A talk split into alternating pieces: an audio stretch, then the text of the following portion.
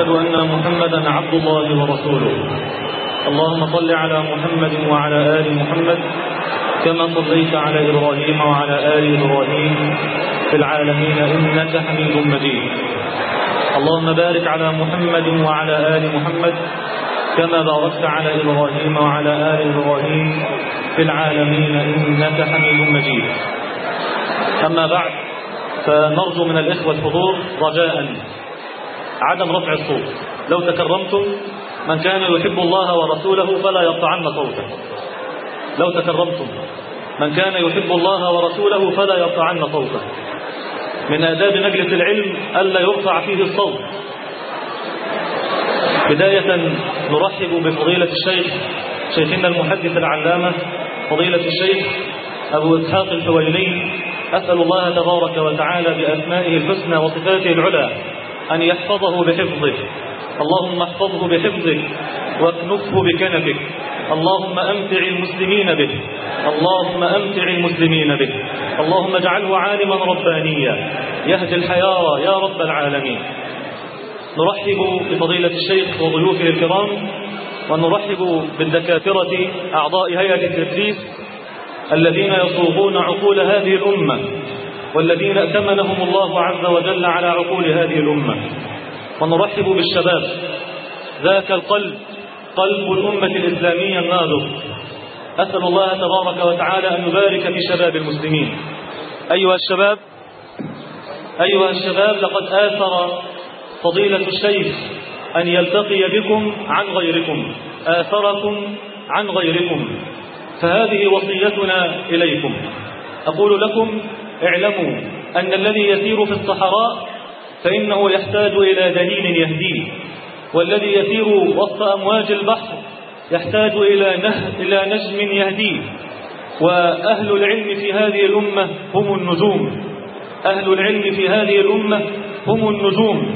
بهم يهتدي الضال ويهتدي الحائر. وقال الإمام أحمد رحمة الله تعالى عليه إن الناس يحتاجون إلى العلم أكثر من حاجتهم إلى الطعام والشراب. فقيل له كيف ذلك يا إمام؟ قال الناس يحتاجون إلى الطعام والشراب في اليوم مرة أو مرتين ولكنهم يحتاجون إلى العلم حاجتهم إلى النفس. لذلك كان علماؤنا يقولون كل بلد ليس فيها عالم يهدي الناس إلى الحق يجب عليهم أن يرحلوا منه. وكان سلفنا الصالح يحتفلون بقدوم العالم. فانظر إلى البخاري رحمة الله تعالى عليه. عندما دخل نيسابور خرج إليه الزهلي وكذلك أهل البلد كلهم خرجوا إليه يستقبلونه ينصرون عليه السكر والدنانير ولما دخل معمر بن راشد إلى صنعاء كرهوا أن يخرج فقالوا قيدوه فزوجوه حتى لا يخرج منها. ولما خرج سلطان العلماء من القاهرة خرجت البلد كلها وأميرها حتى يثنوه عن عدم الخروج. يا شباب الأمة وسط هذه الأمواج من الفتن ووسط هذه الظلمات يجب على شباب الأمة خاصة وعلى الناس عامة أن يلتفوا حول علمائهم ويتمسكوا بقول النبي صلى الله عليه وسلم وبقول الصديق لعمر يا عمر هو رسول الله وليس يعصيه والله ناصره فاستمسك بغرضه فوصيتي إليكم أن تستمسكوا بغرض أهل العلم. فها هو شيخنا بين أيدينا جاء إلينا فأرجو أن نلقي إليه القلوب قبل الأسماع. أسأل الله تبارك وتعالى أن يجري الحق على لسانه وأن يجعل هذه الكلمات وهذه الخطوات في سجل حسناته يوم القيامة. إنه ولي ذلك والقادر عليه. ومع شيخنا فليتفضل جزاه الله خيرا.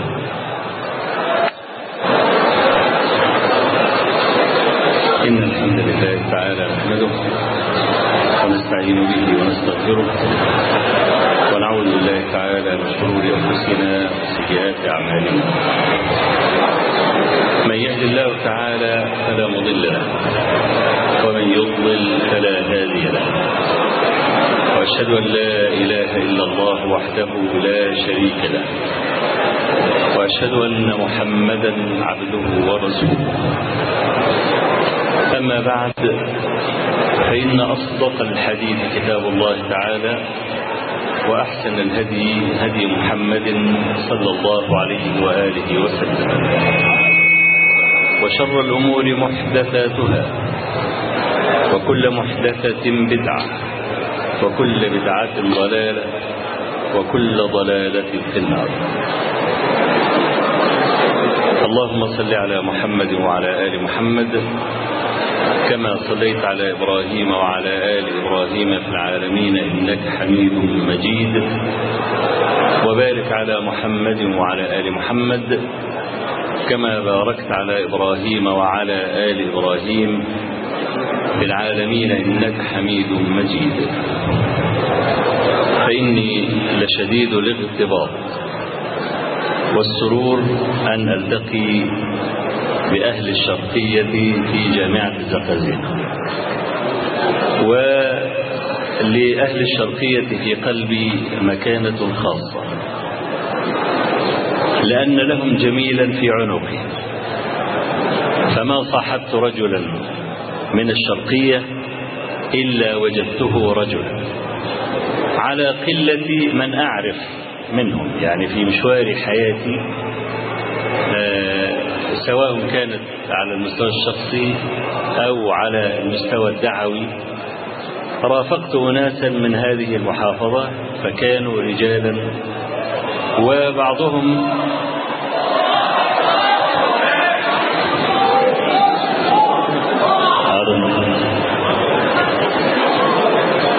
كما قلت يعني لهم جميل في عنقي أسأل الله سبحانه وتعالى أن يكافئهم خيرا.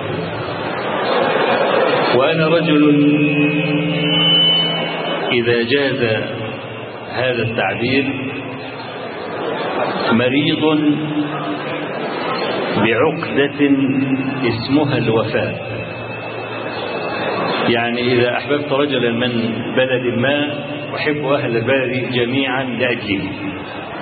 فأنا لي معكم تاريخ طويل من أول حياتي الدعوية ولذلك أنا مرتبط الحقيقة يعني ومسرور أن ألتقي بكم في الجامعة هنا لأول مرة.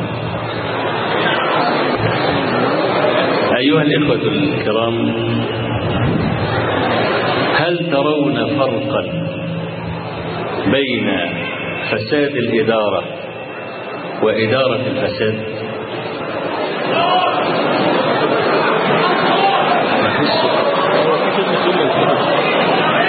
طيب طب أنا سامع اللغط من الإخوة أرجو أن يصمتوا لعلهم يسمعون. لأن هذا الصوت يشوش علي أنا الآخر يعني عندما يأتيني أصوات من عندكم تشوش علي يعني.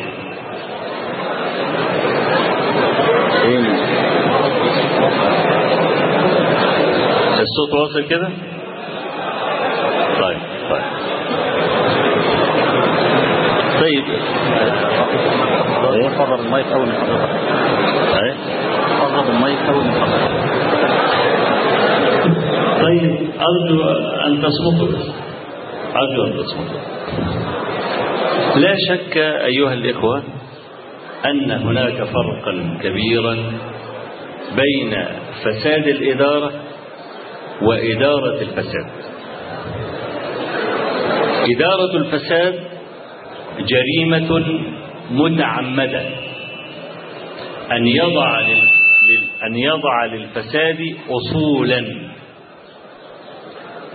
وأن يحض الناس على السير على منظومة الفساد. هو ده معنى إدارة الفساد. وليس هذا المعنى هو الذي أعنيه. إنما أنا أعني المعنى الأول ألا وهو فساد الإدارة. أي فساد في الدنيا؟ سببه فساد الإدارة. والإدارة لها ركنان. الركن الأول هو العلم والركن الثاني هو الحزم. فحزم بلا علم فساد. وعلم بلا حزم فساد. فلا تتم إدارة فلا يكون نجاح إلا بعلم وحزم.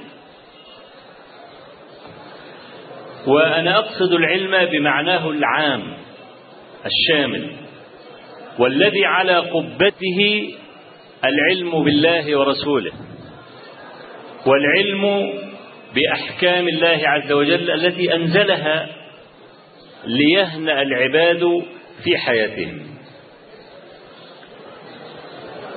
من خلال هذه الكلمات أدلف إلى الحديث الذي أرجو أن أستقي منه جوابا عن هذا مع بعض فوائد أخرى إن سمح المقام بذلك. الحديث الذي سأتناوله بالشرح اليوم هو حديث رواه الشيخان البخاري ومسلم في صحيحيهما من حديث جابر بن سمرة رضي الله عنه قال شكى أهل الكوفة سعد بن أبي وقاص إلى عمر بن الخطاب رضي الله عنه حتى قالوا إنه لا يحسن يصلي. فولى عمر عليهم عمارا أعني عمار بن ياسر وأرسل إلى سعد. فقال له يا سعد لقد شكاك أهل الكوفة في كل شيء حتى قالوا إنك لا تحسن تصلي. فأرني كيف تصلي. فقال يا أمير المؤمنين إني لم أخرم بهم صلاة رسول الله صلى الله عليه وآله وسلم. أركض في الأوليين وأحذف في الأخريين. فقال له ذلك الظن بك يا أبا إسحاق. ثم أرسل معه رجلا أو رجالا يطوفون على مساجد الكوفة يسألون الناس عن سعد. فما دخلوا مسجدا إلا وأثنوا على سعد خيرا. حتى وصلوا إلى مسجد لبني عبس وسألوا عن سعد فأثنى أهل المسجد جميعا خيرا. إلا رجلا واحدا. يكنى أبا سعدة قال أما إذ نشدتنا فإن سعدا لا يسير بالسرية ولا يقسم بالسوية ولا يعدل في القضية. في بعض الروايات خارج البخاري ومسلم فقال سعد له أعلي تسجع. ليه؟ لأنه يتكلم بالسجع. لا يسير بالسرية ولا يعدل بالسوية ولا يقسم ولا يقسم بالسوية ولا. قال أعلي تسجع. ثم قال سعد أما إني سأدعو بدعوات. اللهم إن كان عبدك هذا كاذبا. قام رياء وسمعة فأطل عمره وأطل فقره وعرضه للفتن. أنا قلت في مقدمة تخريجي لهذا الحديث أنه يرويه جابر بن سمرة عن سعد. سعد بن أبي وقاص هذا خال جابر بن سمرة. الذي يروي هذا الحديث عن جابر بن سمرة أحد الرواة اسمه عبد الملك ابن عمير. يقول عبد الملك ابن عمير اللي هو الراوي البعيد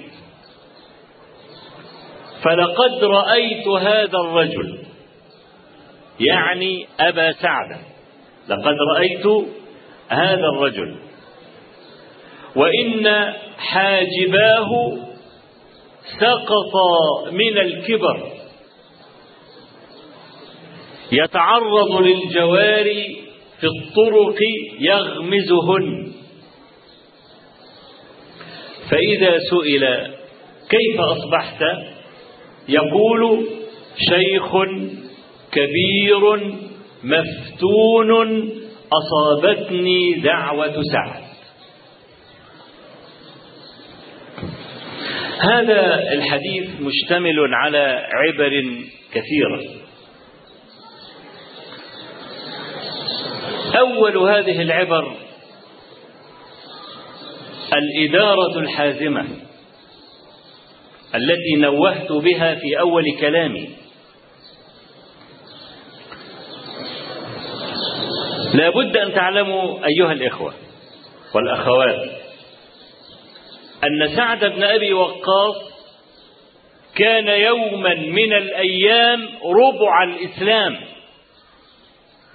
لم يكن على ظهر الأرض مسلم إلا أربعة كان منهم سعد. فكان ربع الإسلام يوما. وسعد أول من أراق دما في سبيل الله. وسعد كان خال النبي صلى الله عليه وسلم. ومآثر سعد كثيرة. قال علي بن أبي طالب لم يجمع النبي صلى الله عليه وسلم لأحد أبويه إلا سعدا. فقال له ارمي فداك أبي وأمي.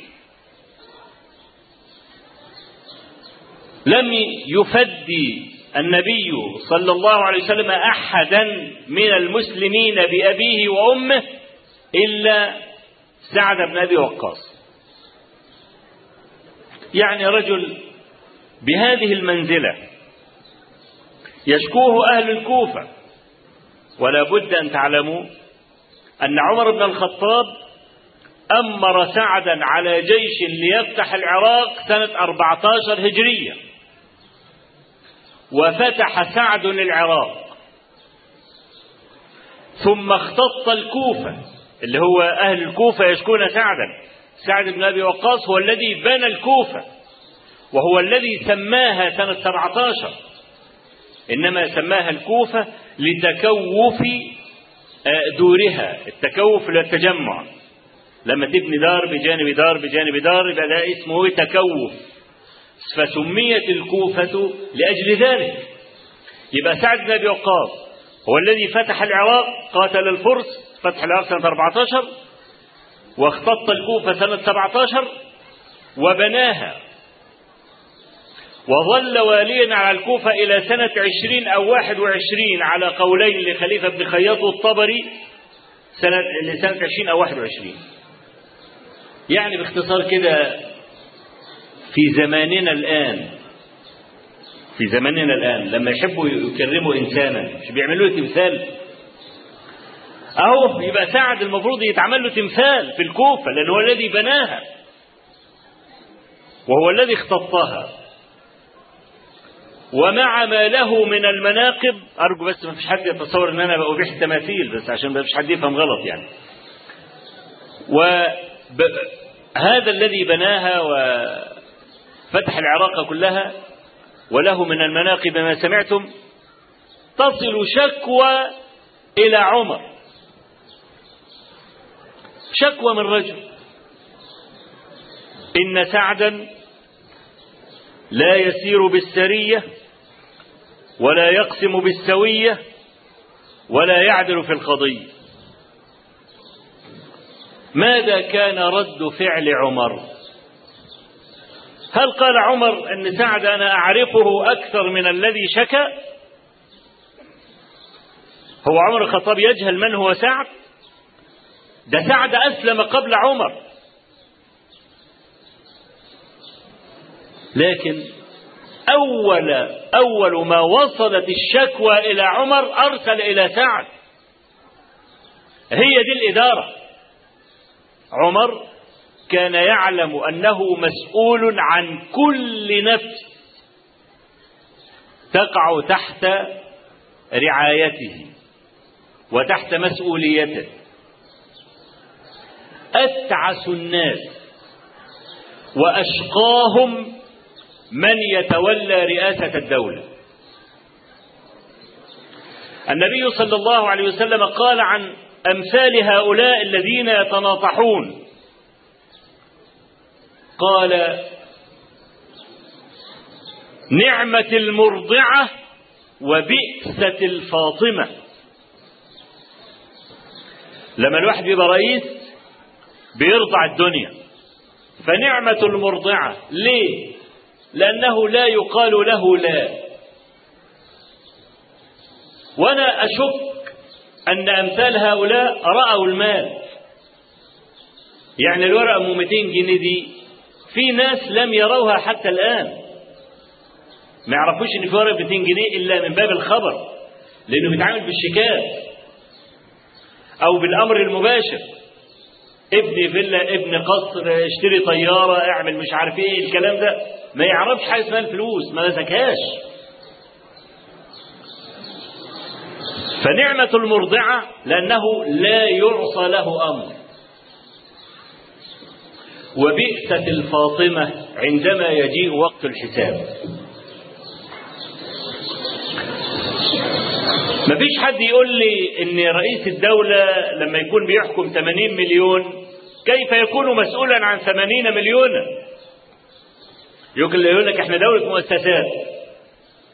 دولة مؤسسات يعني كل وزارة التعليم العالي موجودة وزارة الزراعة وزارة الصحة ودي دولة مؤسسات.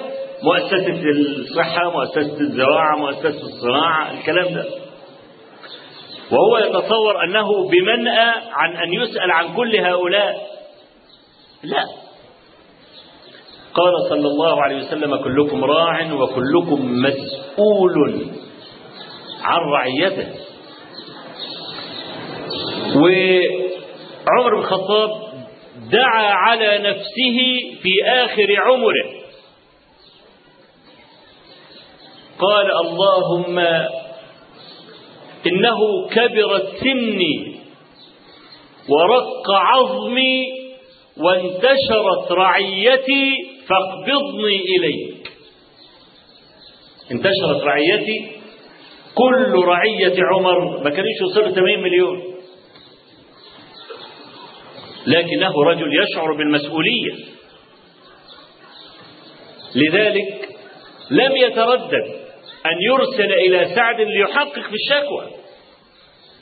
نحن على مدار سنوات طويلة أكثر من عشرين سنة بنقرأ في الجرائد عن وقائع مروعة للفساد والأدوية المسرطنة والرشاوى والكلام ده هو. ومع ذلك يا أخي ليس هناك مسؤول يعزل. لدرجة أننا تصورنا أن المرء كلما كان أفسد كلما كان جديرا بالمنصب. لم يكن هذا شعوري هذا شعوركم كلكم. كل ما المرء يكون أفسد وأوقح يبقى هو جدير بالمنصب. أنا لا أفهم مثلا إن رجل يكون مسؤول عن وزارة وزارة الثقافة. يحترق قصر الثقافة بأكمله ويموت كثير ممن فيه ولا ولا يستقيل ولا يعزل.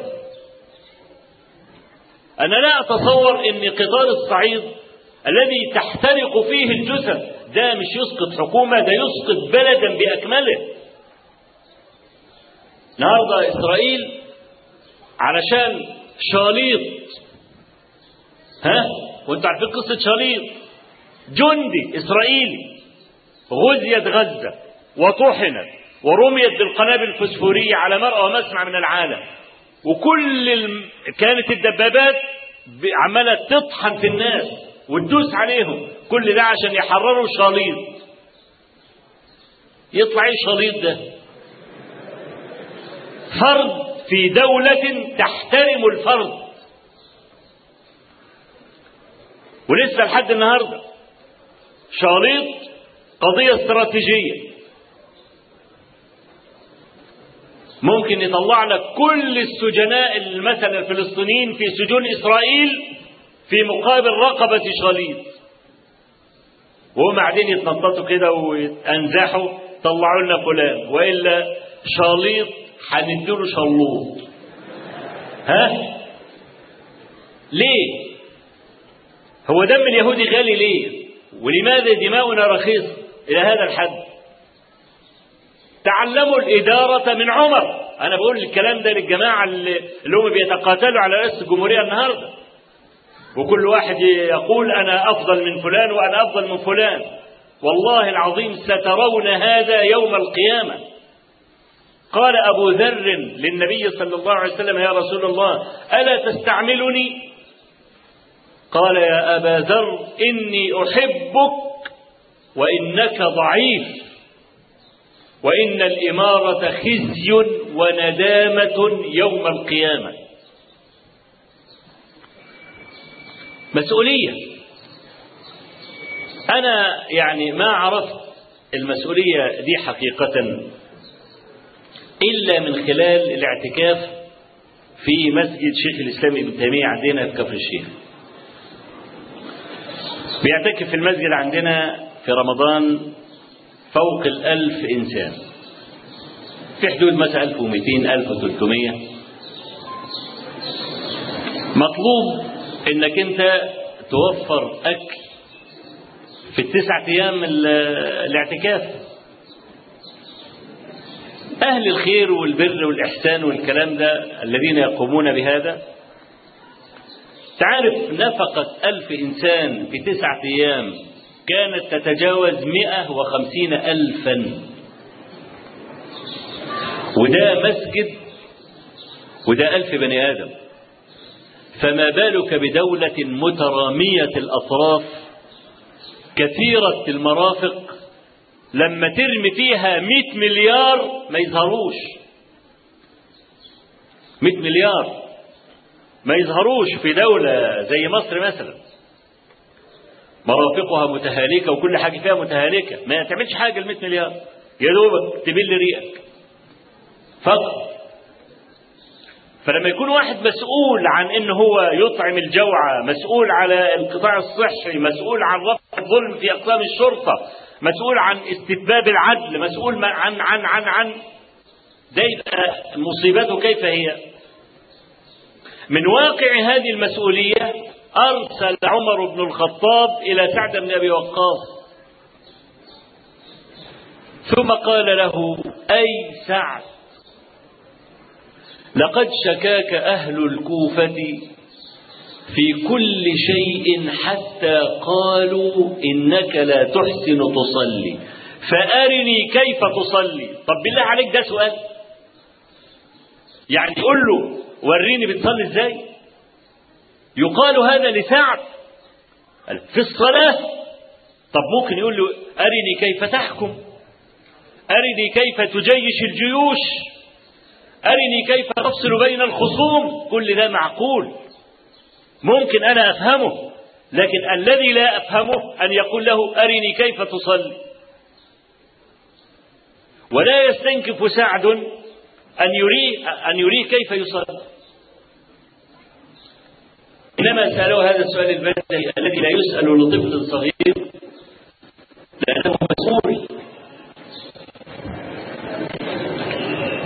قال أمير المؤمنين إني لا أخرم أي لا أقصر يعني ولا أنقص ولا أزيد.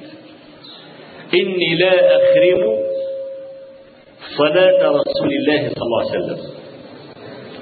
إني أركض من الركود وهو التطويل.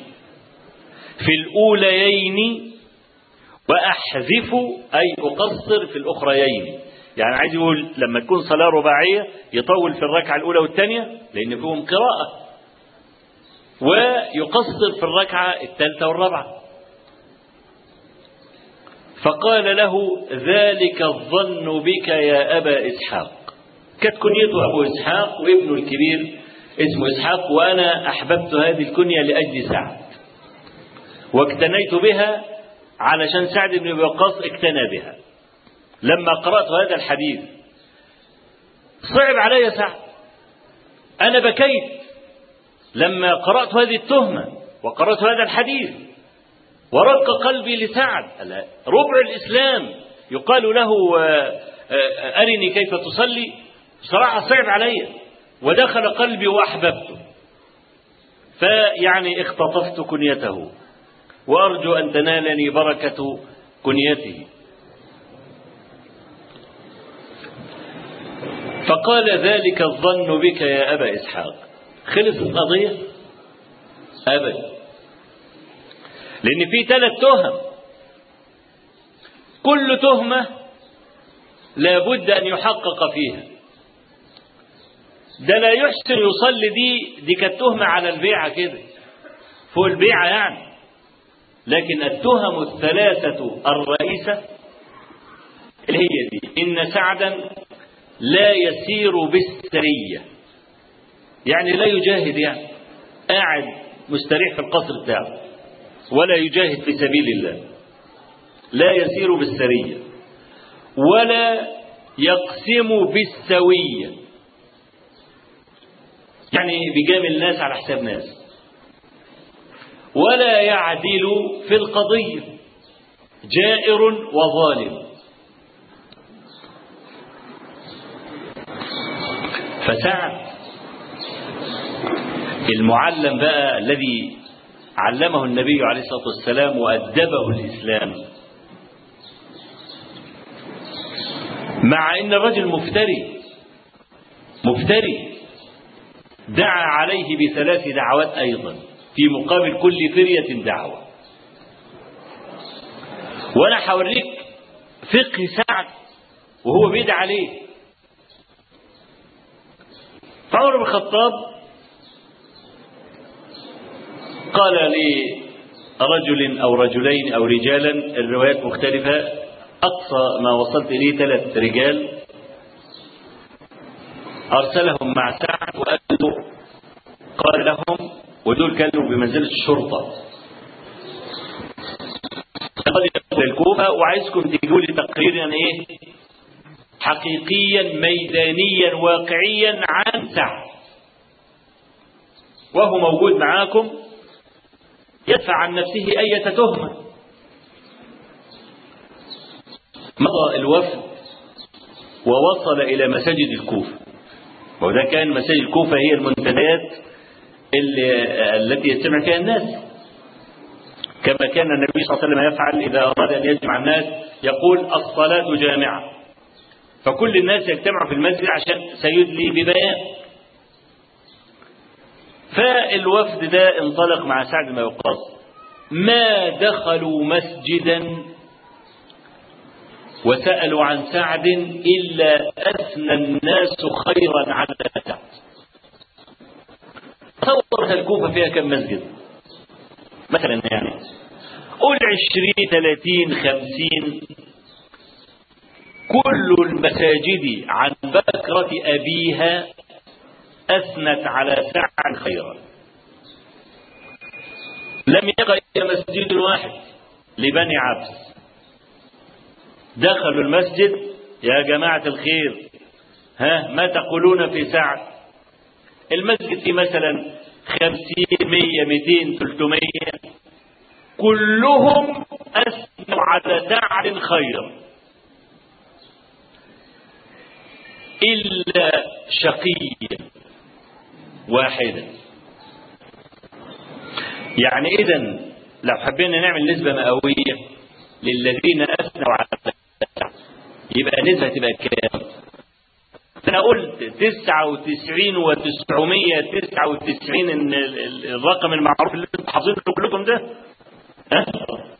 لو كنا 99 و999 من ألف هيعتبر ده إحنا أجحفنا في حق سعد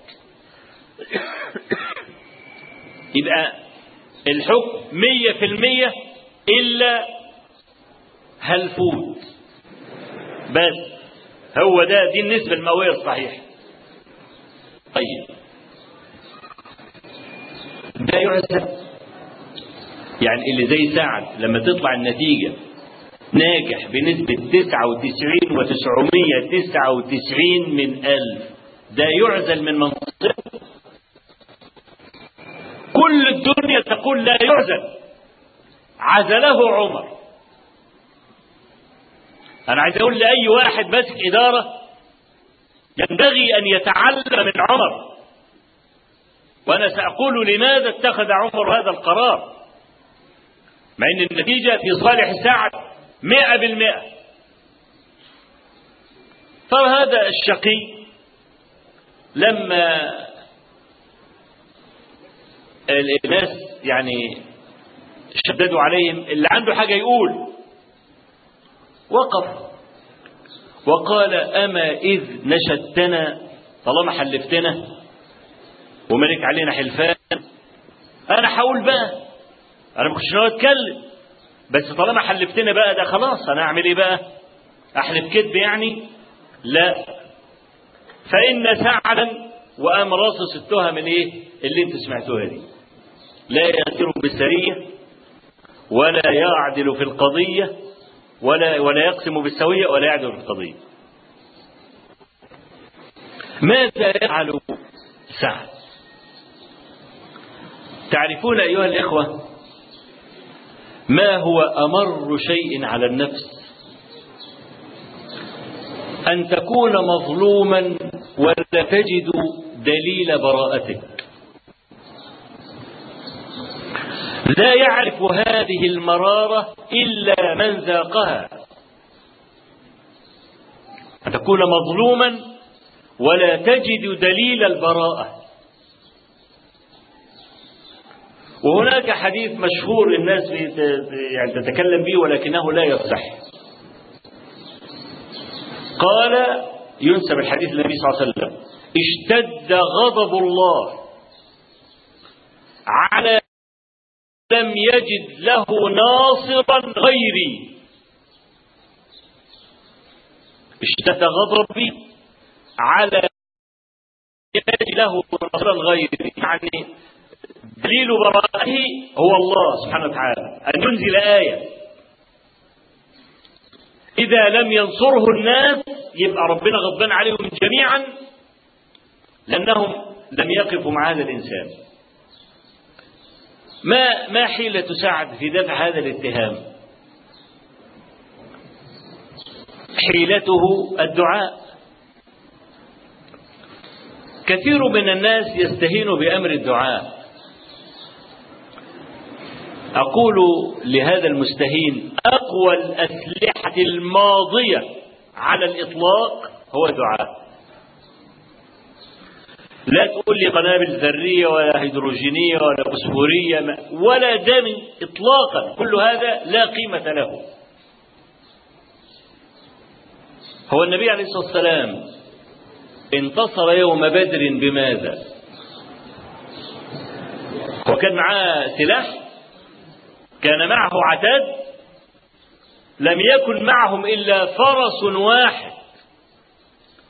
وخرجوا جميعا حاسري الرؤوس والدروع لأن المسألة في يوم بدر كانت المسألة كلها اعتراض عير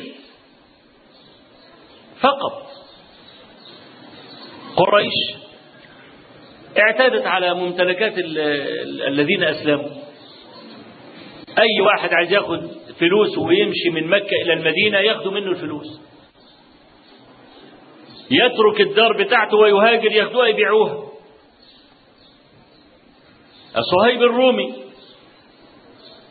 لما أراد أن يسلم خرج بليل قال لك بالليل نتخذ الليل جملا ويهرب إلى المدينة. علم كفار قريش أن صهيب الرومي هربان. فطاردوه بالخيل لحد ما إيه ما أدركوه في بعض الطريق. وبعدين قالوا له جئتنا صعلوكا لا مال لك. ثم تريد أن تأخذ المال كمان يعني أسلمت مش كفاية المصيبة اللي أنت عملتها أسلمت وعايز برضه تاخذ الفلوس وأنت ماشي؟ فقال لهم ألا إن أعطيتكم المال تخلوا بيني وبين وجهي؟ قالوا نعم. قال المال في مكان كذا عند الجدار تحت الجدار. ادالهم أمارة كده فتركوه. فلما لقي النبي صلى الله عليه وسلم حكى له ما جرى. خدوا الفلوس. تحويشة العمر زي ما بيقول فقال له النبي صلى الله عليه وسلم ربح البيع يا أبا يحيى. إن الله اشترى من المؤمنين أموالهم أنفسهم وأموالهم بأن لهم الجنة. عشان كده قال له ربح البيع. بذلتها لله خلاص سيأتيك العوض. فالصحابة أخذت أموالهم وأخذت ديارهم وإلى آخره. فأراد الله عز وجل أن يعوضهم عن جزء مما فقدوه فأباح لهم الغنائم يوم بدر ولم تحل الغنائم لأحد من بني آدم إلا لنا. كما قال صلى الله عليه وسلم لم تحل الغنائم لسود الرؤوس غيركم. وقال صلى الله عليه وسلم لما رأى الله عجزنا وضعفنا اباحها لنا فأباح الغنائم. فأبو سفيان جاي بالعير بقى محملة بقى بالدقيق والسكر والبتاع والكلام ده انت عارفين رحله الشتاء والصيف والكلام. فالنبي عليه الصلاة والسلام علم أن عير قريش في الطريق قال لك خلاص نطلع نقطع عليهم الطريق وناخذ البضاعة تعويضا عن بعض ما أخذوه منا. وقد أباح الله لنا الغنائم. فقال من كان ظهره حاضرا فليركب. في جماعة كانوا في عوالي المدينة في أطراف المدينة أحبوا أن يذهبوا ويأتوا بالدروع أو يأتوا لا اللي حاضر دلوقتي يركب. مفيش لا تهيئة ده العير كلها أربعين رجلا. حامية العير كانت أربعين رجلا. إحنا طالعين لهم ب 314 إنسان. ف 314 مع 40 مين يكسب؟ ال 314 حتى لو هنتلابط بالأيادي. مش لازم حتى يكون معنا سيوف ولا خناجر ولا ولا نبابيت ولا الكلام ده. لا كل واحد وبراج ف 314 مع 40 ولا حاجة. أبو سفيان علم بالقصة دي فأرسل إلى قريش يستغيث. الحول بقى البضاعة بتاعتكم. فت... وتعست أمة رأسها أبو جهل. أبو جهل بقى لما عرف القصة دي جامع بقى. النفير وبلم الناس ولبسوا الدروع والخوذ الحديد وبتاعه وطالعين بقى مستعدين للحرب. أول ما أبو سفيان هرب وأخذ ساحل البحر أرسل إليهم وقال لهم إيه؟ لا عليكم ألا تجيئوا أنا هربت بالبضاعة. أبو جهل أصر قال لك لا لابد أن نمشي حتى نرد بدرا وهي عين ماء. فتغنينا القيان ونشرب الخمر ويسمع بنا العرب فلا يزالون يهابوننا أبدا. كارت إرهاب يعني هيبة الدولة. ها؟ اللي بيسموها النهارده هيبة الدولة. فاحنا بقى نطلع هناك ونشرب خمر ونجيب الرقصات يرقصوا وبتاع والقيان يغنوا والكلام ده. يوم خبرنا يوصل للناس بحالها. فأي واحد عايز يدوس لنا على طرف لازم يعمل لنا ألف حساب. خلاص. وطلع. وعصى أبو جهل وصية أبا سفيان ارجعوا ما رجعوش. وجد المسلمون أنفسهم في مواجهة قوم أتوا للحرب وهم خرجوا لملاقاة عير. ليس لها شوكة. ها؟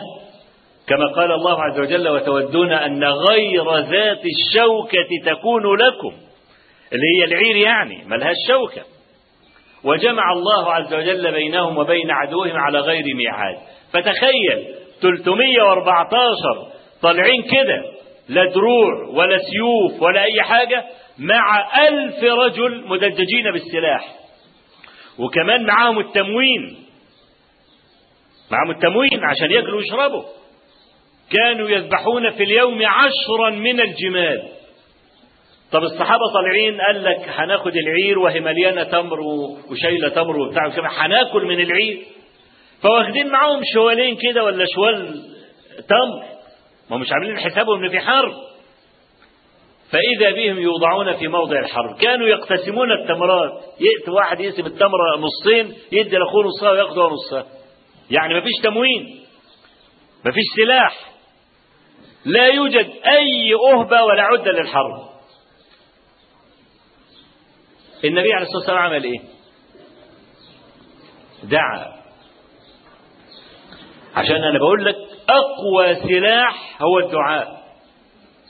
لا تستهينوا بالدعاء أبدا. رفع النبي صلى الله عليه وسلم يديه وبالغ في رفع يديه حتى سقط برده عن منكبيه من شدة استغاثته بربه. وهو يقول اللهم هذه قريش جاءت بخيلها ورجلها تحادك وتحاد نبيك. ثم نظر إلى أصحابه وقال الله إنهم عالة فاحملهم. اللهم إنهم جياع فأطعمهم. اللهم إنهم عراة فاكسهم. اللهم انت هذه العصابة لا تعبد في الأرض. فأمسك أبو بكر رضي الله عنه بمنكبيه وقال يا رسول الله بعض مناشدتك ربك فإنه منجز لك ما وعد ثم افتر ثغر النبي صلى الله عليه وسلم عن ابتسامة وهو يقول أبشر يا أبا بكر هذا جبريل نزل معتجرا عمامته راكبا فرسه عليه النقع التراب. إذ يوحي ربك إلى الملائكة أني معكم. فثبتوا الذين آمنوا سألقي في قلوب الذين كفروا الرعب. فلا تستهن إطلاقا بالدعاء. أبدا. ده اللي عمله سعد. ما الذي يفعله سعد أمام رجل بيفتري عليه؟ فقال سعد وأرجو أن تتعلموا أيها الإخوة الإنصاف عند الغضب من سعد. سعد مظلوم مئة بالمئة. وأبو سعد مفتري مئة بالمئة.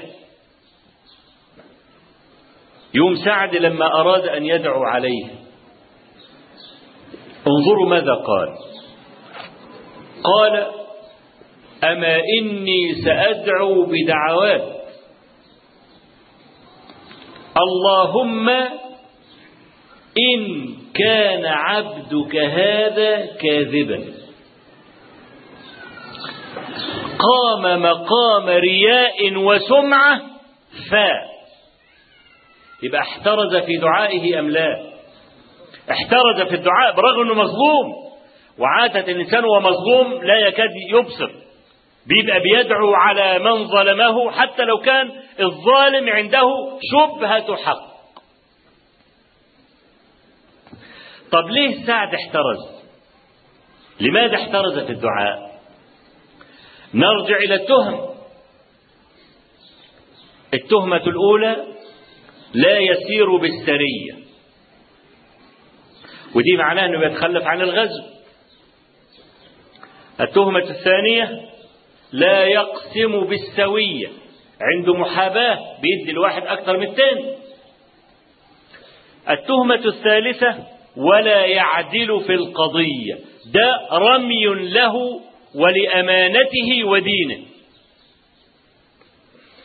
التهمة الأولى ممكن الرجل يكون فاهم غلط ما هو لا يسير بالسرية يعني لا يمشي مع الجيوش.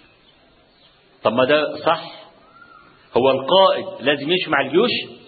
لا. ما هو ممكن يبقى خلف الجيوش هو اللي وضع الخطة هو اللي بيدبر أمر الجيوش ويدبر التموين ويدبر كذا ويدبر كذا. فلما رآه الرجل لا يتقدم الجند ظن أنه لا يسير بالسرية. مش ممكن الظن ده؟ فعنده شبهة حق في الموضوع. وياما ناس بتتفهم غلط. تتكلم كلاما صحيحا وتفهم فهما خطأ. فدي الشبهة الأولى. قد يكون للرجل شبهة حق في هذا. التهمة الثانية لا يقسم بالسوية بيفضل واحد على واحد. آه. هو إحنا سنسوي بين الناس جميعا في العطاء ولا كل واحد يأخذ مكانه؟ مكان عمر بن الخطاب يفعل هذا. في بيت المال أعطى لأسامة بن زيد أكثر مما أعطى لابنه عبد الله بن عمر. وعبد الله بن عمر أكبر من أسامة بن زيد. فاعترض عبد الله وقال لأبيه تعطيه أكثر مني وأنا أقدم منه هجرة. فكان عمر بن الخطاب بيدي على حسب بقى إيه السابقين الأولين و... وعلى حسب المكانة والبلاء في الجهاد وخدمة الإسلام والكلام ده. فكان يدي لكل واحد إيه السهم على قدره. فقال كيف تعطيه؟ وأنا أكبر منه وهاجرت قبله. يوم عمر يقول له إيه؟ يقول له إن أباه كان أحب إلى النبي من أبيك. وكان هو أحب إلى النبي منك. إزاي أسويكم ببعض؟ هي محبة النبي صلى الله عليه وسلم ما تقلش الكفة؟ لا تتقلها طبعا. فانظر إلى عمر كيف هضم حق نفسه. قال إن أباه اللي هو زيد بن حارثة اللي هو كان إيه النبي صلى الله عليه وسلم كان تبناه وأنتم عارفين القصة. وكان يقال له الحب. وأسامة هو الحب ابن الحب. فقال له لا محبة النبي صلى الله عليه وسلم تتحط في الكفة لازم تتقلها.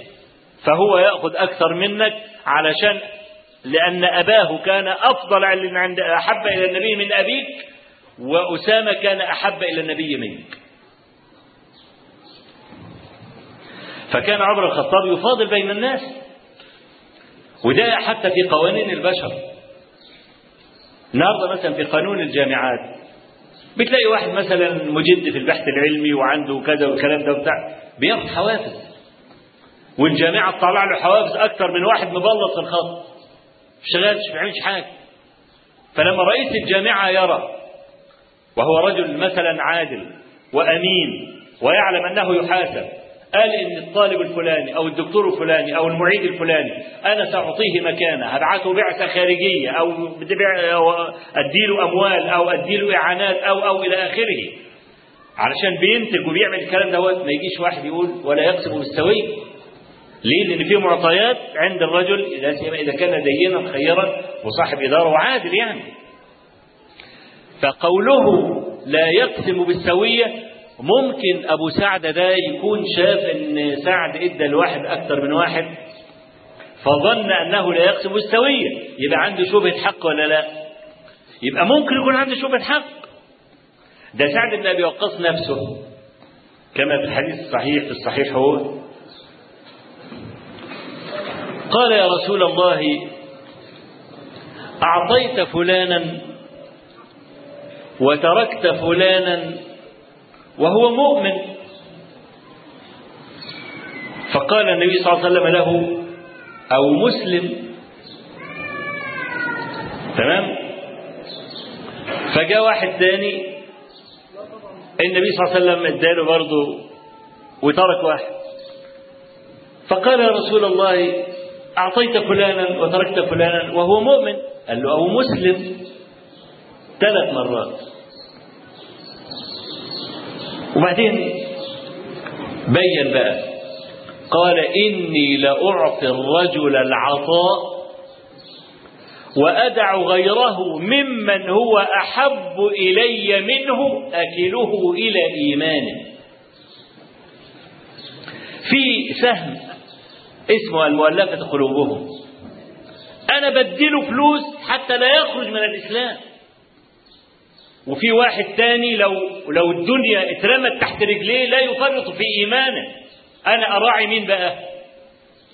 لابد إن أنا سأعطي الذي إن لم يأخذ كفر. عشان حتى لا يخرج من الإيمان. أما الذين يرتكنون إلى إيمانهم دول أنا مش خايف عليهم. فيبقى لما يقول لا يقسم بالسوية يبقى ممكن يكون الرجل عنده شبهة إيه؟ شبهة حق غلطان يعني فاهم غلط. إنما التهمة الثالثة دي بقى لا تحتمل.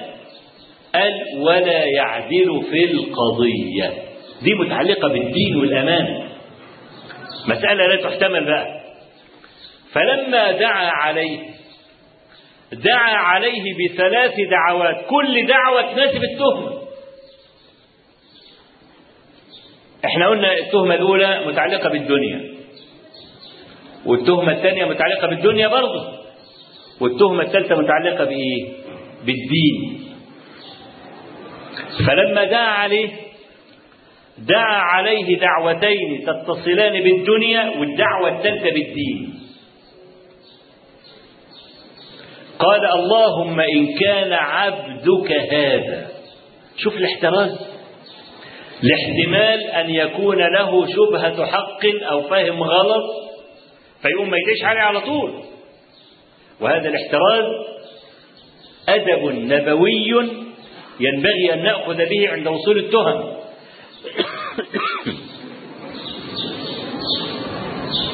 قال رجل للنبي صلى الله عليه وسلم يا رسول الله ما الغيبة؟ قال ذكرك أخاك بما يكره. قال أرأيت إن كان في أخي ما أقول؟ أنا مش مفتري عليه ولا حاجة. هو كده زي ما أنا أقول بالضبط. أرأيت إن كان في أخي ما أقول؟ النبي عليه الصلاة والسلام ما قالوش فقد اغتبت. إنما رجع قال له إيه؟ إن كان فيه ما تقول مش ده احتراز؟ احتراز هو لأنه ممكن ما يكونش فيه. فرجع النبي صلى الله عليه وسلم وكرر عليه الكلام عشان يؤكد مسألة احتراز فقال إن كان فيه ما تقول فقد اغتبت. وإن لم يكن فيه ما تقول فقد بهت. أي رميته بالبهتان. يبقى مسألة إن الواحد يتوقف قبل أن يلقي دي مسألة احتراز نبوي. سعد بن أبي وقاص احترز بقى قال اللهم إن كان عبدك هذا كاذبا قام مقام رياء وسمعة. ادي الثلاث دعوات بقى. فأطل عمره. مش دي متعلقة بالدنيا؟ وأطل فقره. مش دي متعلقة بالدنيا؟ وعرضه للفتن. مش دي متعلقة بالدين؟ أهو. ما هو ما ظلموش بقى. فأطل عمره وأطل فقره وعرضه للفتن. النبي عليه الصلاة والسلام قال خيركم من طال عمره وحسن عمله. وشركم من طال عمره وساء عمله. طول العمر أحيانا يكون مضرة. أنت عارف في مشكلة لطول العمر. قليل من الناس هو الذي ينتبه لها. أنت عارف مين اللي انتبه لها؟ واحد زي الإمام البخاري رحمة الله عليه. لما جاءه خبر وفاة شيخه عبد الله بن عبد الرحمن الدارمي صاحب سنن الدارمي الكتاب المشهور. ده شيخ البخاري ومسلم. وكان البخاري يحبه. فلما بلغه وفاة شيخه أنشد قائلا إن عشت تفجع بالأحبة كلهم وفناء نفسك لا أبا لك أفجع. لو لم يكن في طول العمر إلا أنك تدفن أحبابك واحدا واحدا وترجع تذرف عليهم الدمع لكان كافيا. انت عايز تبقى طويل العمر. معنى طول العمر يعني إيه؟ يعني كل أحبابك سيموتون في حياتك. تودع حبيبا وتدفنه ثم ترجع تتجرع الحسرات. وتحاول تنسى. فيموت حبيب آخر.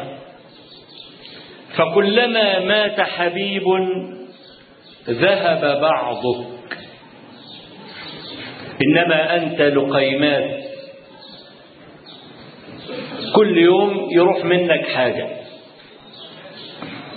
لو لم يكن في طول العمر إلا مثل هذا ما تمنى المرء طول العمر إلا مع الصلاح. يبقى لما يقول اللهم أطل عمره. وأطل فقره. والنبي صلى الله عليه وسلم استعاذ من الكفر والفقر. قرنهم الاثنين ببعض. لأن الحياة لا تطاق مع الفقر.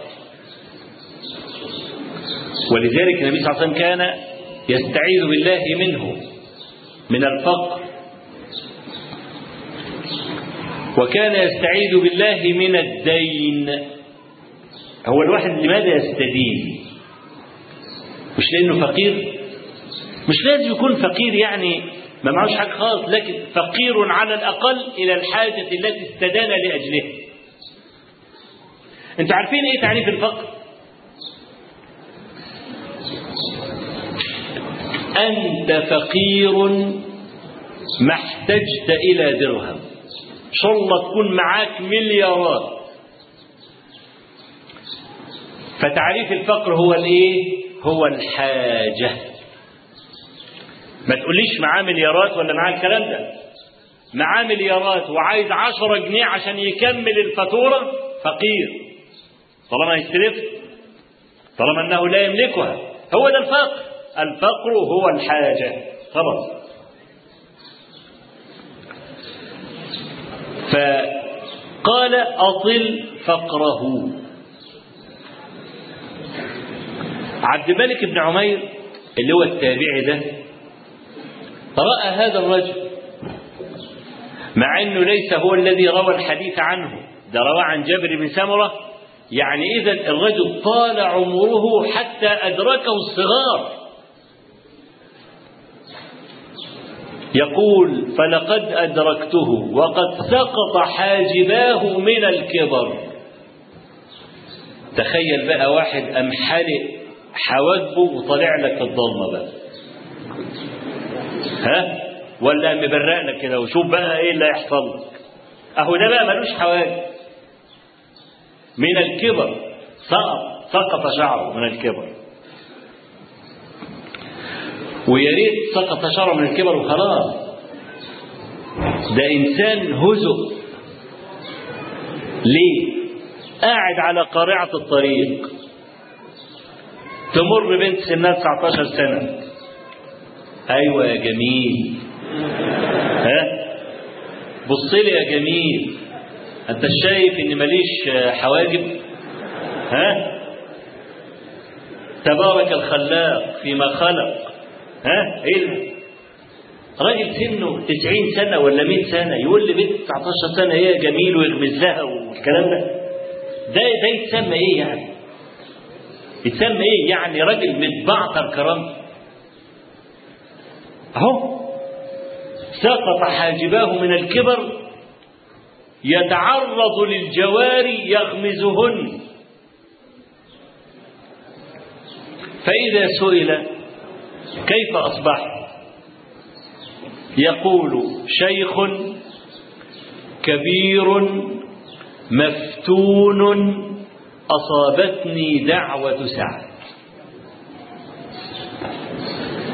في ناس كده بلدة لا يمكن أن يرى مغبة الحدث إلا بعد انتهائه. هو كل الظلمة دول ما يعرفوش إن الظلم حرام. هو ليه بتغطي على وشهم كده؟ أنا لسه امبارح واحد اداني اسطوانة ولقيت من ضمن الفقرات الاسطوانه مقبرة الرئيس. يمكن شفتوه؟ دي مش مقبرة دي جنة عدن ابدا لا يمكن تكون مقبرة. مبنية على أكثر من 3000 متر. وكلها بالرخام ومكلفة 15 مليون جنيه. مقبرة. تكلف 15 مليون جنيه أنا شفت الأعمدة الرخامية اللي موجودة وأنت داخل. والله زي قصر الأم. مقبرة. ولما دخلوا القبو من تحت كان القبو ضلمة ولكن ال... الكاميرا بتاع المحمول فيها ضوء والكلام ده جت حاجات خافتة كده. رخام. هو أنا لو أنا راجل بفهم في الموت بعرف يعني إيه موت. ويعني إيه بعد ما يتحط في في المقبرة بتاعته هيتحول لدود. ها؟ وأقرب الأقربين مش ممكن يعدي عليه إلا لما يسد مناخيره. ها؟ أقوم أحطها رخام من فوق ومن تحت والكلام ده. مش ناقص غير الشيشة بقى. ها؟ عشان بقى تكمل المسألة. ده مش موت ده مش موت فالإنسان الذي لا يعلم ما هو الموت يعمل أكثر من كده. ولا تكونوا كالذين نسوا الله فأنساهم أنفسهم. نسي نفسه تماما. فده رجل يعلم أنه ظلم سعد. بس بقى إمتى بقى؟ بعد فوات الأوان. طيب خليني أرجع إلى الكلمة الأولى التي أنا ذكرتها وأنا لن أطيل ساقصر الحديث ده مليان فوائد. مليان فوائد. يعني لو حبيت أنا اخد راحتي معاكم ممكن اخد فيه خمس ست سبع ثمان محاضرات كل محاضرة ساعتين ولا حاجة. لكن لكن أنا عايز أجاوب على المقطع اللي أنا بدأت بيه. مساله الإدارة. أنتوا رأيتم كيف أن عمر بن الخطاب لم يهمل شكوى وصلته عن رجل هو يعلم يقينا إنه أفضل من الذي اشتكى. أرسل عمر بن الخطاب إلى الكوفة ثلاثة مكان سعد الأولاني عمار أرسله ليصلي بالناس. الثاني عبد الله بن مسعود أرسله على بيت المال. مش قال لك لا يقسم بالسوية؟ هنجيب لك واحد لبيت المال. بلاش تبقى كل القرارات في إيد واحد. خلاص. واحد للصلاة وواحد لبيت المال زي ابن مسعود وابن مسعود ده مش حد يقدر يكح معاه ولا يبص له بصة واحدة حتى. وأرسل سهل بن حنيف على خراج الأرض.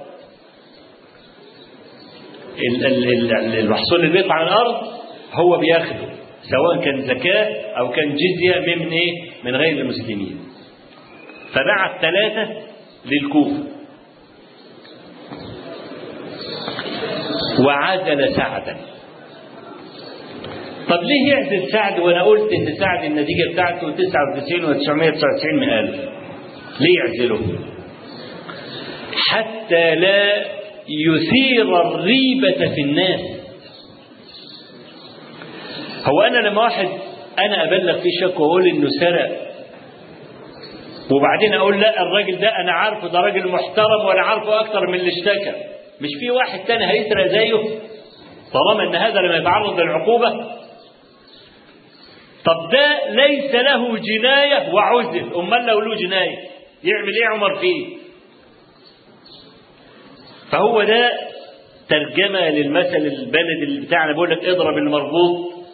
يخاف السايق واللي يتلسع من الشوربة ينفخ في الزبادي. أهي المسألة كده ما عملش أي حاجة. أهو. والتقرير الميداني يقول إن أهل الكوفة جميعا بلا استثناء ما عدا شقي واحد فقط ما عدا رجل بني آدم أبو سعد ده هو بس اللي كان عدم لما عمر الخطاب بقى طعن وبعدين جاء الدكتور طبيب عشان يكشف عليه فسقاه لبنا فخرج من جرحه. قال لك إيه؟ يا أمير المؤمنين أوصي فإنك ميت. خلاص عرفنا القصة دي. قول الكلمتين اللي عندك بقى. بدأ عمر بن الخطاب بقى عشان خلاص عارف إنه ميت. بقى بدأ يعمل وصايا. يجيب المهاجرين ويجيب الأنصار وبتاع وعمل الستة مجلس الشورى الستة والكلام ده. قال إيه؟ قال ليحضركم. بيقول للست بتوع الشورى ليحضركم. عبد الله بن عمر وليس له في الأمر شيء. مش هورثه ها؟ كلام واضح أهو. الراوي قال إيه؟ كهيئة المعزي له. أبوه لسه مطعون. خدوه في وسطكم عشان ينسى. ها؟ هو عمر قصده كده. إن لما عبد الله بن عمر يكون موجود في وسط دول يوم يعني حزنه حزنه على أبيه يخف شوية. قال وليس له في الأمر شيء. لم يستفد بسمعة أبيه أمير المؤمنين. ده بالعكس. ده كان عمر بن الخطاب شديدا على أهله. وكان مش عايز أقول يعني تعبير كان يجور عليهم عشان ما فيش بني آدم يبقى له شبهة. مرة في يوم من الأيام عمر الخطاب جالس وبعدين لقى شوية بهايم معدية شوية بقر وجاموس وبتاع وجاموس وبقر ملظلظ كده وضخم.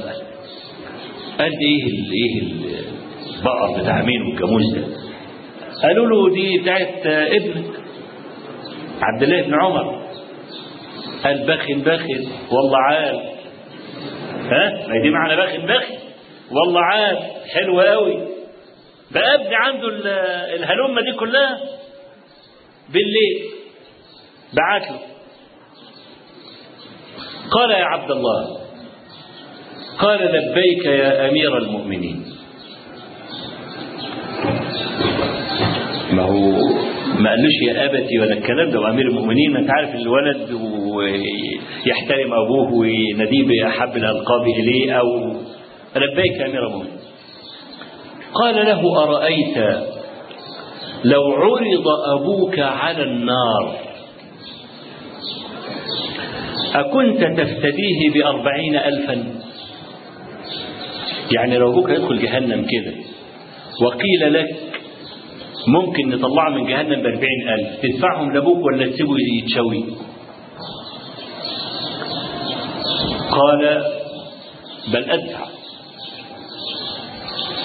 قال عبد الله إني مخاصم يوم القيامة. مخاصم كل الرعية دول هيبقوا خصومي. إني مخاصم قال له وماذا تريد يا أمير المؤمنين؟ قال له تبيع البهايم دي كلها وتأخذ رأس مالك وترد الباقي في بيت المال. الربح. أول ما افتتح عمر المقالة مع عبد الله بن عمر قال له ما هذا يا عبد الله؟ بهايم رايحة وجاية ومش عارف إيه.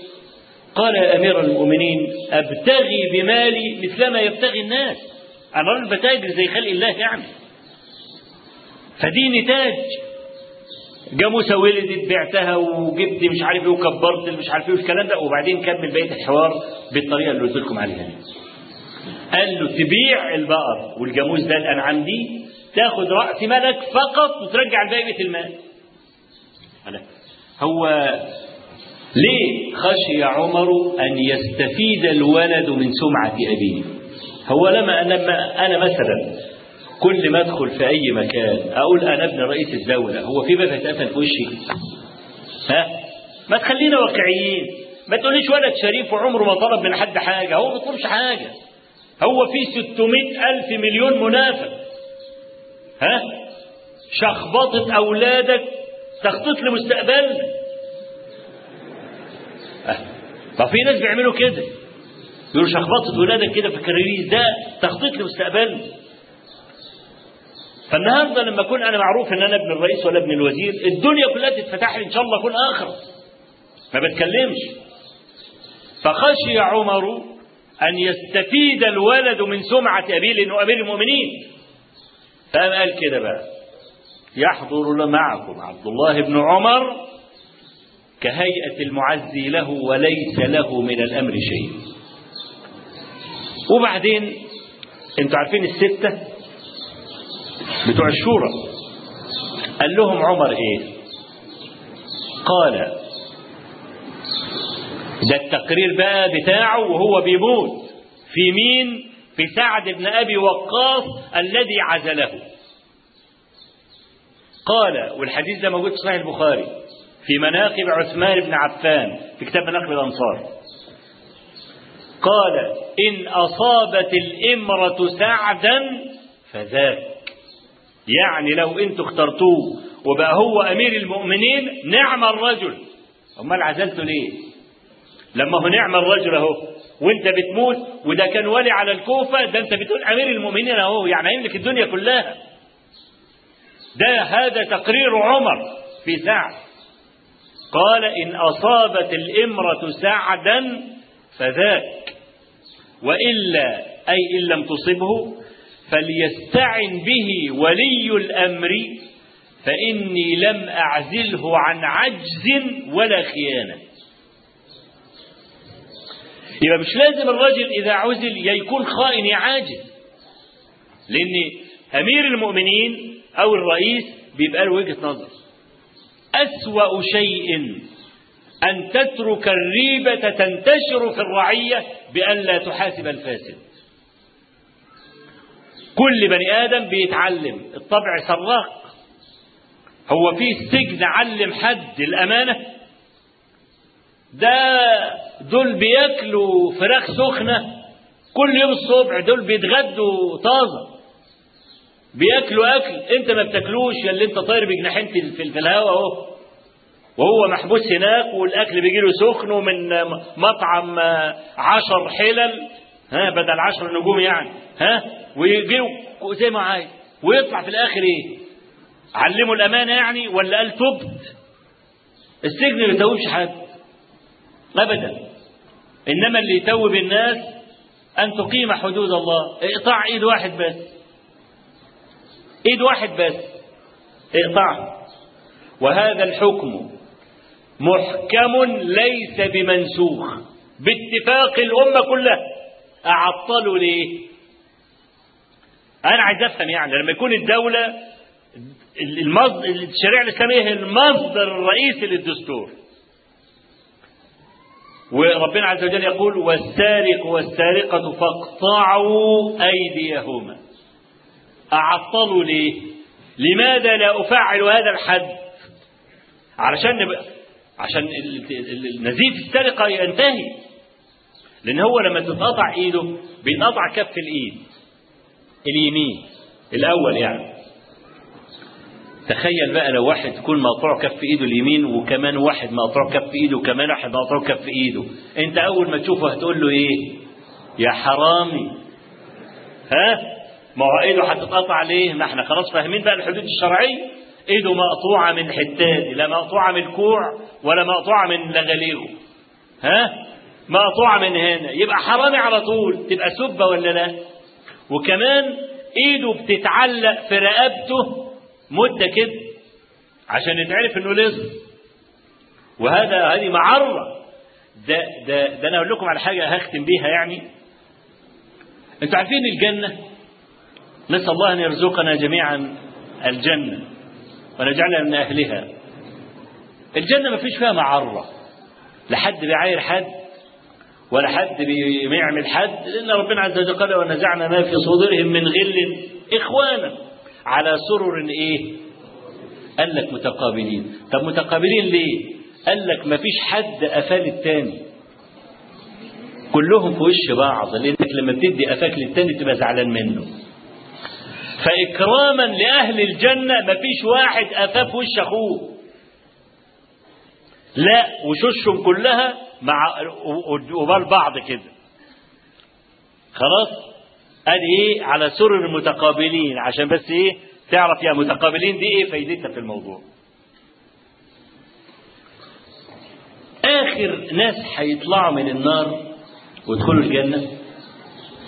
يخرجون من النار وقد امتحشوا. امتحشوا يعني بقوا فحم. ما تعرفش تميز حد فيهم. فيلقون في نهر الحياة. فينبتون فيه كما تنبت الحبة في حميل السيل. خلاص؟ زي ما ترمي بذرة كده في, في, في المية وهي بتجري فيطلع ورقتين كده زي ورد النيل ورد النيل كده. بعد ما يدخلوا الجنة بعفو الله ورحمته لا في عمل ولا عندهم حسنة ولا الكلام ده. مكتوب على جبين كل واحد من دول اسم الجهنميون أي عتقاء الرحمن من جهنم. يعني ما كانش ينفع يطلع منها لا بعمل ولا بغيره إلا أن الله تفضل عليه وخرجه منه. يوم الجماعة دول بعد ما يدخلوا الجنة ما هم المميزين عن أهل الجنة كلهم مكتوب على أرضه الجهنميون فيقوم حاسين يعني بشيء من الحاجة مش, مش لذيذة عندهم يعني. فيسألون الله عز وجل أن يزيل هذا الاسم بالرغم إن هو فين؟ في الجنة. ما تفرقش. طالما بتتمتع بتاكل رمان وبتاع وحور عين وبعدين بتشوف ربنا سبحانه وتعالى كل يوم جمعة وتشوف الأنبياء. إن شاء الله يكون مكتوب على أرضك إيه؟ ها؟ لا حتى دي مع ان الجنة لا فيها معره ولا فيها حد بيعاير حد ولا الكلام ده إلا أنهم يسألون الله سبحانه وتعالى أن يزيل عنهم هذا الاسم. ودي في الجنة. تخيل بقى لو في الدنيا واحد ايده مقطوعة ومش عارفين الكلام ده. بتبقى معره يوم إيه؟ ما يجيبش العار لنفسه ولا لعياله. فضلا عن ايده.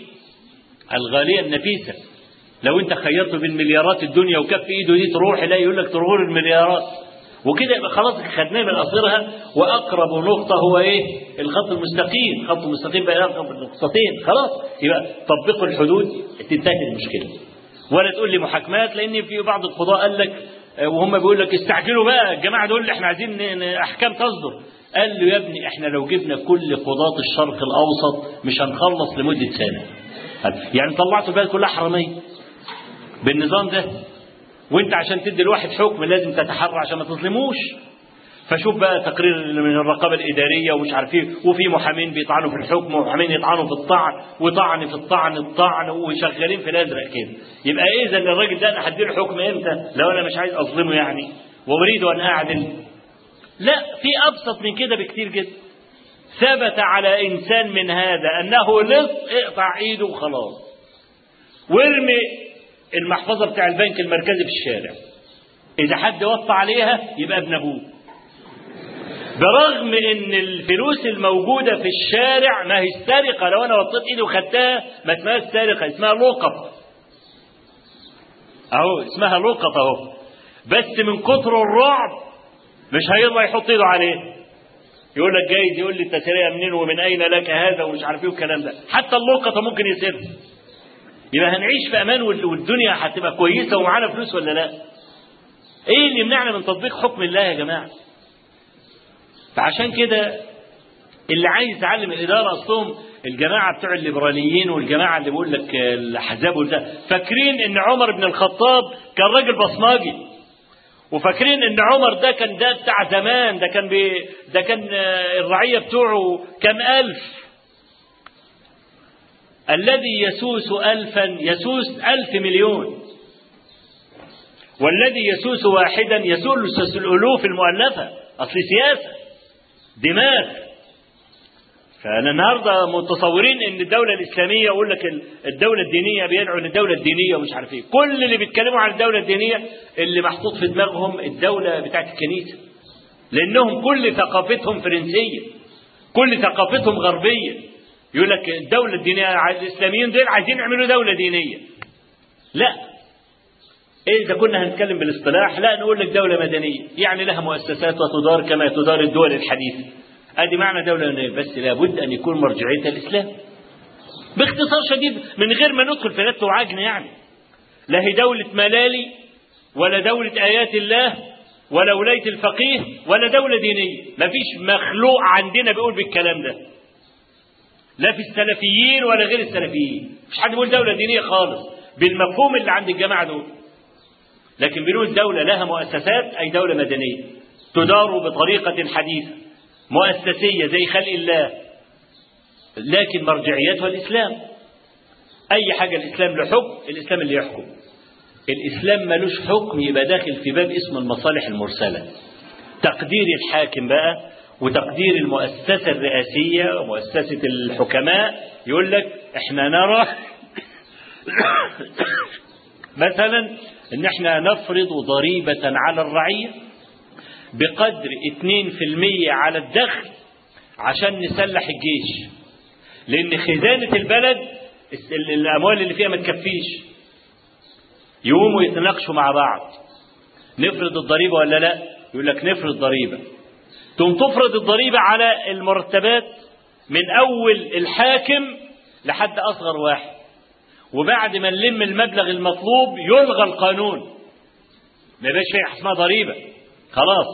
يبقى أنا لما أقول أفرض ضريبة لرصف الطرق لبناء مستشفيات لتحديث الجامعات لتنشيط البحث العلمي المنهار. يعني إسرائيل عندنا إسرائيل عندنا اللي أنا قرأته بتنفق على البحث العلمي 68 ضعف الدول العربية كلها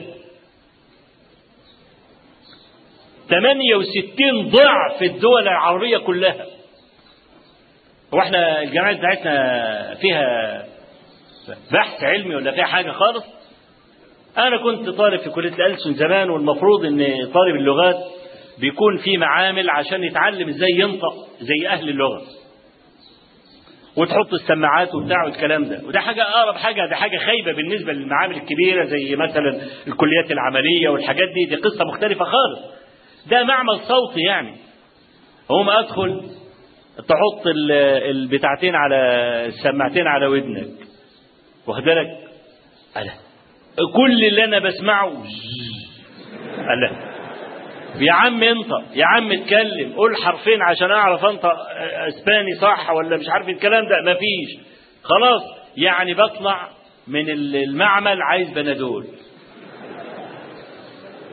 وايه يلا عشان في حصة حصة معمل. طب حصة معمل نزلنا المعمل. تضاعت الساعة اللي كنا المفروض نقعدها. كنا حتى قعدناها في ال section ولا قعدنا في البتاع ده خدنا أي حاجة. لا ما عملناش أي حاجة. فتخيل بقى الكليات اللي هي بي- بينبني عليها البحث العلمي الحقيقي وتقدم الدول الكلام ده خربانة خراب. حتى ال ال ال أنا يعني أعرف هذا الكلام من أساتذة في جامعات مصر. بالذات في الكليات زي كليات الطب والهندسة والصيدلة والعلوم والكلام ده. يقول لي مثلا أنا المفترض بعمل آه، آه، في مصر مثلا آه، بحث على مرضى الكبد. مثلا يعني المفترض إن النسبة العالمية تكون كذا في المية. إذا بحثي أنا ما طلعش موافق للنسبة العالمية يرفضوه في الجامعة. طب ده أنا راجل بتكلم واقع. أنا بتكلم عن واقع. الواقع عندنا منيل بنيلة وأن- وأدنى من أدنى مستوى عالمي. يبقى أنت تاخد الكلام الحقيقي تستفيد بيه وتطور نفسك ولا لازم أطلع النتيجة في الآخر زي المعدل العالمي؟ ولو ما طلعتهاش زي المعدل العالمي بيرفض لي الرسالة يرفضها مني يديني صفر. فلازم أقعد أوفق في الأرقام وأطلعها زي المعدل العالمي عشان أنجح. لما يكون الم- المسألة المنظومة ماشية بهذه الطريقة في الجامعات اللي المفروض إنها سدة المجتمع وأعلى حاجة في المجتمع وهي اللي بتخرج الجيل اللي بيحكم. وهي النخبة الحقيقية المثقفة في البلد اللي بتفهم وهي التي تشكل ضمائر ال- الأمم كلها الجامعات شباب الجامعات. يمكن شباب ثانوي شباب إعدادي لسه لم ينضج بعد شباب الجامعات ناضج. هيطلع منه الرؤساء والوزراء ورؤساء ال- المؤسسات و إلى آخره. طالع كله ما عندوش فكرة عن أي حاجة. فعشان كده لما إحنا بنحب ننظر إلى الإدارة بناخد معانا نصطحب إدارة الدولة الإسلامية في القرون الماضية كيف كانت.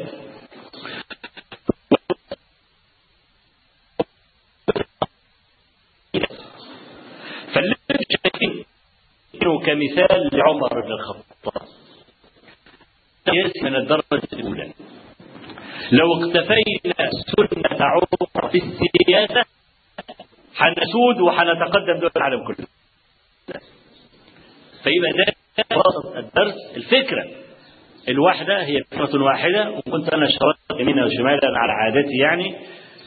اللي أنا كنت عايز أسسها النهاردة إن أي فساد في أي مؤسسة سببه الجهل والتسيب. ليه؟ لأن الإدارة الناجحة في أي مكان أساسها العلم والحزم. أسأل الله سبحانه وتعالى أن يبارك فيكم جميعا وأن يجعلكم ذخرا للإسلام وأهله وأنا أكرر سعادتي وارتباطي برؤياكم وأرجو أن أتقيكم مرة أخرى إن شاء الله تعالى. أقول قولي هذا وأستغفر الله لي ولكم.